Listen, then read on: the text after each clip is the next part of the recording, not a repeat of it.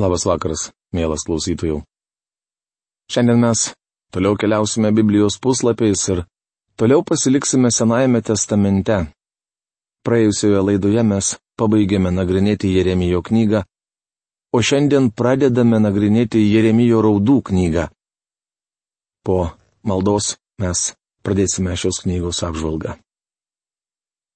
Mūsų tėve, mes dėkojame tau, kad galime susirinkti viešpatė prie tavo kojų atsiversti šventą įraštą ir prašome tavęs, kad dabar viešpatė prabiltum į mūsų širdis per savo žodį. Dėkojame tau už verkiantį pranašą Jeremiją, kad tu davėjai šiam žmogui tokią širdį. Ir tokį gilų sielvartą jisai nešiojo savo širdyje dėl savo tautos. Meldžiame dangaus Dievę, kad tu padėtų mums išgirsti tavo dvasios balsą, tavo žodį kad tu padėtum mums suprasti dabartinę kiekvieno mūsų padėtį tavęs atžvilgiu. Kad tu padėtum dangaus Dievę mums iš tikrųjų būti liūdintiems dvasia. Kaip prašai rašte, tokių yra dangaus karalystė. Tad palaimink šį laiką. Jėzaus vardu. Amen. Pratarmi. Raudų knyga yra tarsi Jeremijo knygos tesinys, nes joje pranašas išlieja savo širdį. Daktaras Aleksandras Vaitas, vienas iš anksčiau gyvenusių Dievo žodžio aiškintojų, yra pasakęs. Jeremijo raudų knyga neprilykstama. Skausmo būta visais amžiais ir visuose kraštuose, tačiau nėra buvę kito pamokslininko ir autoriaus, kurio širdis būtų tokia atvira liūdėsiui ir sielvartui. Žinome, kad Jeremijas buvo nuostabiausias šio žymiojo tremties laikotarpio pranašas. Kaip jau minėjau, pranašas Jeremijas tarnavimą pradėjo karaliaus Jošijo valdymo dienomis. Jėdu su Jošiju buvo jaunuoliai ir tikriausiai geri bičiuliai. Karaliaus Jošijo dėka judo krašte kilo paskutinis prabudimas. Šio prabudimo metu Dievo žodis palėtė daugelį širdžių, bet iš esmės tai buvo paviršutiniškas judėjimas. Jošijas mirė pirmą laiko, Megido lygumoje stojas į mūšį su faraonu Nekoju, nors jam visai nereikėjo veltis į šią kovą.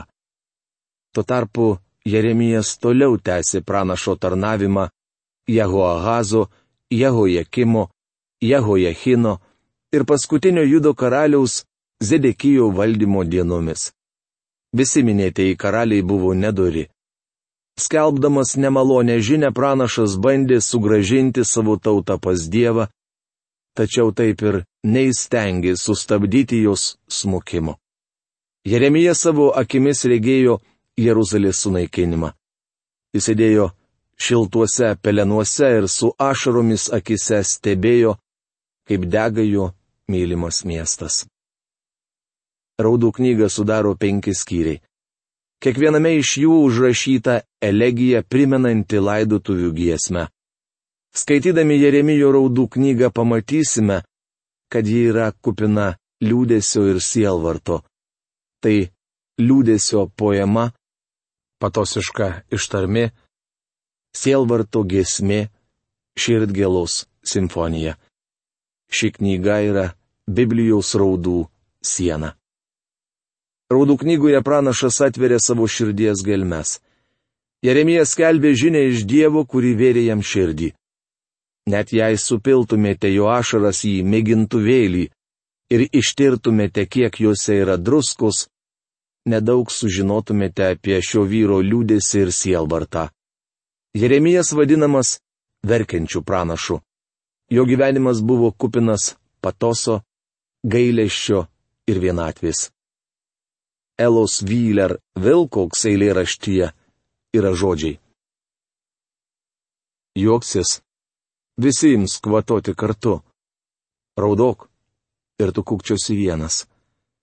Juk sukriošęs, paliegęs pasaulis tik ir ieško progų bet pakanka jam savo sielvarto. Dažniausiai ašaros laikomos silpnumo ženklų. Sakoma, kad verkia tik moteris ir vaikai. Kai pastoriavau Pasadenoje, pro mano studijų kambarėlio langą matėsi aikštelė, kurioje žaisdavo mūsų renktos vasaros Biblijos mokyklos vaikai. Vienas vaikas atsivesdavo su savimi mažesnę sesutę. Abu jie buvo dar maži ir aš su dideliu susidomėjimu stebėjau, kaip berniukas lakstė apie sesutę ir jie rūpinosi. Tačiau vieną dieną mažoji mergytė pargriuvo ant asfalto, nusibalnojo kelią ir graudžiai pravirko. Berniukas, norėdamas ją nuraminti, ėmė užkalbinėti mergaitai dantis. Jis sakė, neverk, verkia tik moterys. Įdomu, kas to pipiro nuomonė buvo jo mažoji sesutė. Visgi tai padėjo ir mergaitė nustojo verkti. Pranašas Jeremijas turėjo moterišką širdį. Jis buvo jautrus, nuoširdus ir mokėjo užjausti. Šis vyras buvo švelnus lyg motina, tačiau skelbė griežčiausią ir nemaloniausią žinę, kokia tik užrašyta Biblijoje. Jis išpranašavo Jeruzalės sunaikinimą ir skelbė bausmę, ragindamas tautą pasiduoti nebukadnecarui. Kaip žinome, Jeremijos skelbiama žinia tik užtraukė jam bėdą. Norėčiau paklausti, kokį vyrą jūs būtumėte pasirinkę tokios nemalonios ir griežtos žinios skelbimui? Gal Hitlerį ar Musolinį? Žinau vieną. Niekas iš mūsų nepavestume šio darbo verksniui. Tačiau Dievas pasirinko minkštos širdies vyrą. Daktaras Campbellas Morganas pasakodavo apie daktarą Deilą iš Birminghemo, kuris Dvaitą Mūdį laikė vieninteliu žmogumi turėjusiu teisę pamokslauti apie pragarą. Kai kažkas paklausė daktaro Deilo, kodėl jam taip atrodo, šis atsakė, todėl kad Mūdis visuomet kalba apie pragarą graudžių balsu. Štai kokių žmonių šiandien reikia Dievui. Gaila, bet daugelio pamokslininkų nejaudina jų skelbiama žinia. Davidas Garikas, garsus senojo Šekspyro teatro aktorius pasakojo, jog vieną dieną ties Londono gatvės kampu išvydo vyrą, kuris tiesiog graudeno aplink jį susirinkusių žmonės.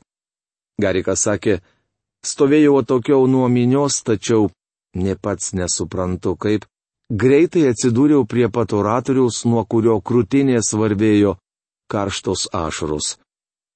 Dar jis pasakojo, kad ten buvo moteris, kuri drebančių pirštų rodė įkalbėjusi vyrą ir sakė, Sere, aš sekioju paskui jūs nuo septintos valandos ryto.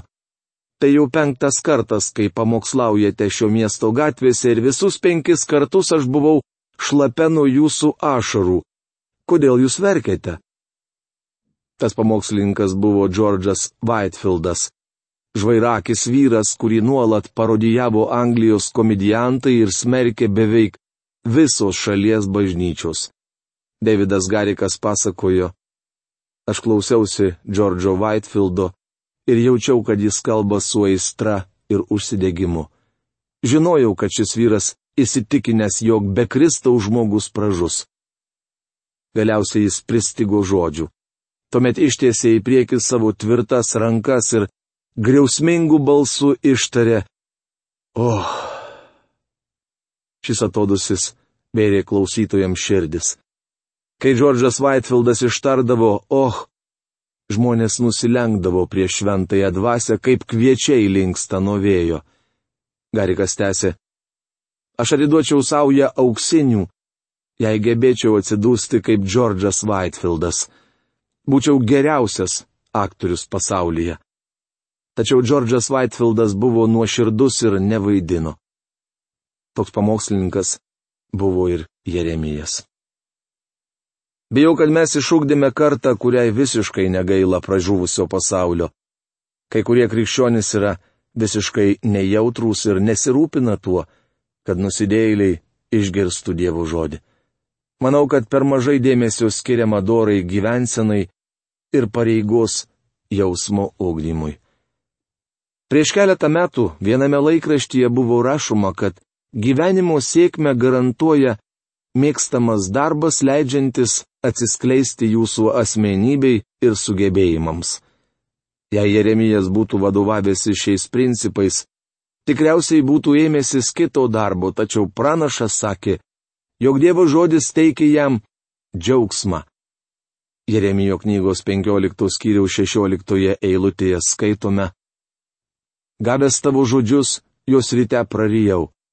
Tavo žodis atnešė man džiaugsmą ir širdies linksmybę, nes aš tapau tavo viešpatie galybių dievę. Kaip matome, jis buvo nuostabus vyras. Šiandien išsilavinę jaunuoliai net ir krikščionis. Ieško darbo, kur galėtų prastumti laiką, grįžti namo, įsijungti televizorių ir užsimiršti. Jie labai santūriai reiškia savo jausmus bei emocijas ir vengia skelbti Dievo žodį. Aš ne visuomet suprantu Jeremiją, tačiau žaviuosi juo ir jį lygiuojuosi. Štai ką apie šį pranašą rašė ponia Elizabeta Cook. Moters širdis švelni, šilta, lanksti, bet vyriška stipri, drasi, valinga. Jo arfos stygose patetiška lemtis. Tačiau kuomet į kovą laikas, nei sostų griausmas, nei aukų ugnis, nuo žudbutinio mūšio jo nesulaikys. Liūdintis pranašas Jeremijas mums primena dėl Jeruzalės verkiantį Jėzų. Vienintelis skirtumas tas, kad Jeremija žvelgia į Jeruzalės griuvėsius ir šventikla jau buvo sudeginta.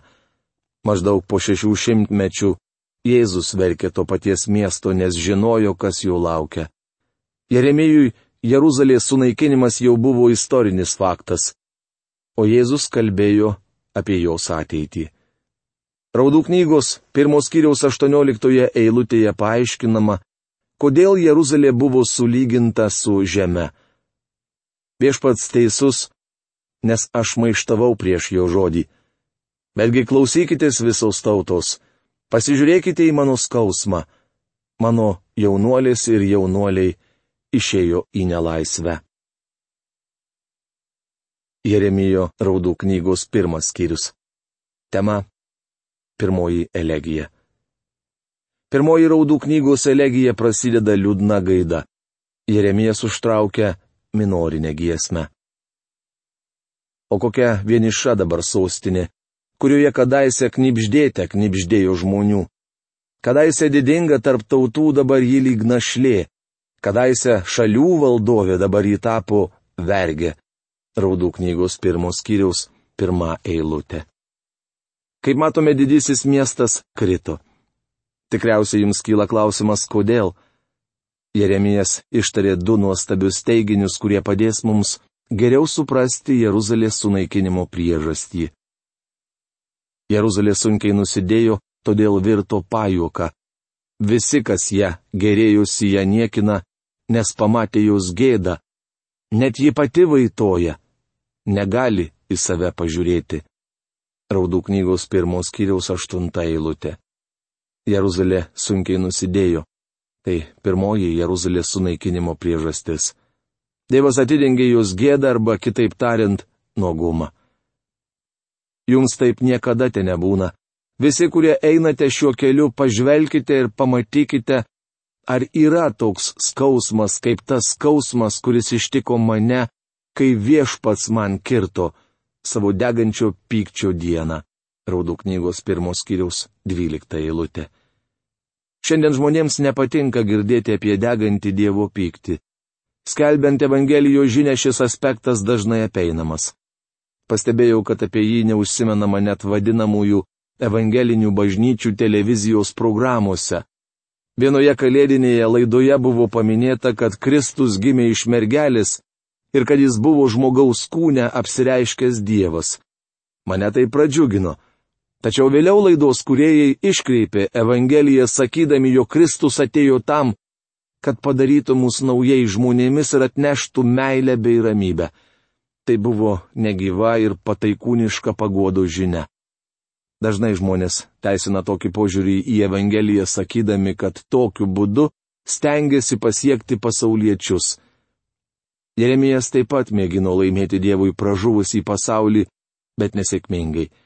Tačiau jis bent jau skelbė Dievo žinę taip, kaip buvo gavęs ją iš viešpaties. Mielas bičiuli, Dievas baudė judą už jo nuodėmės, baus ir mus. Viešpats teisus, nes aš maištavau prieš jo žodį. Betgi klausykitės visos tautos, pasižiūrėkite į mano skausmą. Mano jaunuolis ir jaunuoliai išėjo į nelaisvę. Jeremijo raudų knygos pirmos kiriaus 18 eilutė. Jeremijas vienas apverkė Jeruzalės sunaikinimą. Jis stovėjo pelenuose ir raudojo. Miestas buvo sunaikintas, nes jo gyventojai nusidėjo. Šioje eilutėje paminėta antroji Jeruzalės sunaikinimo priežastis. Viešpats teisus. Tai padarė Dievas. Ir jis pasielgė teisingai. Tai sunkiai suvokiama tiesa ir turiu prisipažinti, jog nesu kompetitingas apie tai kalbėti. Stebėdama šio vyro sielvartą iš šalies, žinau, kad negaliu suvokti, kas dėjosi jo širdyje. Jeremijas atskleidė mums dvi tiesas - karčią ir malonę. Jeruzalės gyventojai nusidėjo, bet Dievas juos myli. Jeruzalė sunkiai nusidėjo, bet viešpats teisus. Dievas sakė, jog myli savo tautą amžiną meilę, o ištiko ją neganda, nes yra teisus.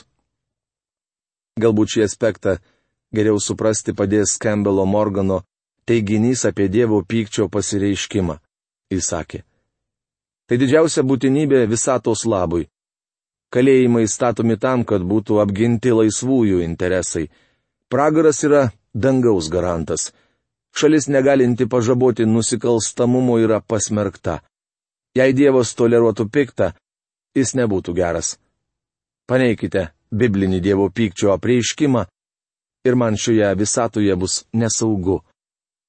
Parodykite man, kad visatos sostė sėdi švelnios ir mylinčios širdies viešpats, ir aš būsiu tikras, jog jis netoleruos greunančių, siaubenčių ir keikiančių jėgų, bet sunaikins jas ir jų įrankius vardant to, kas kilnu ir tyra.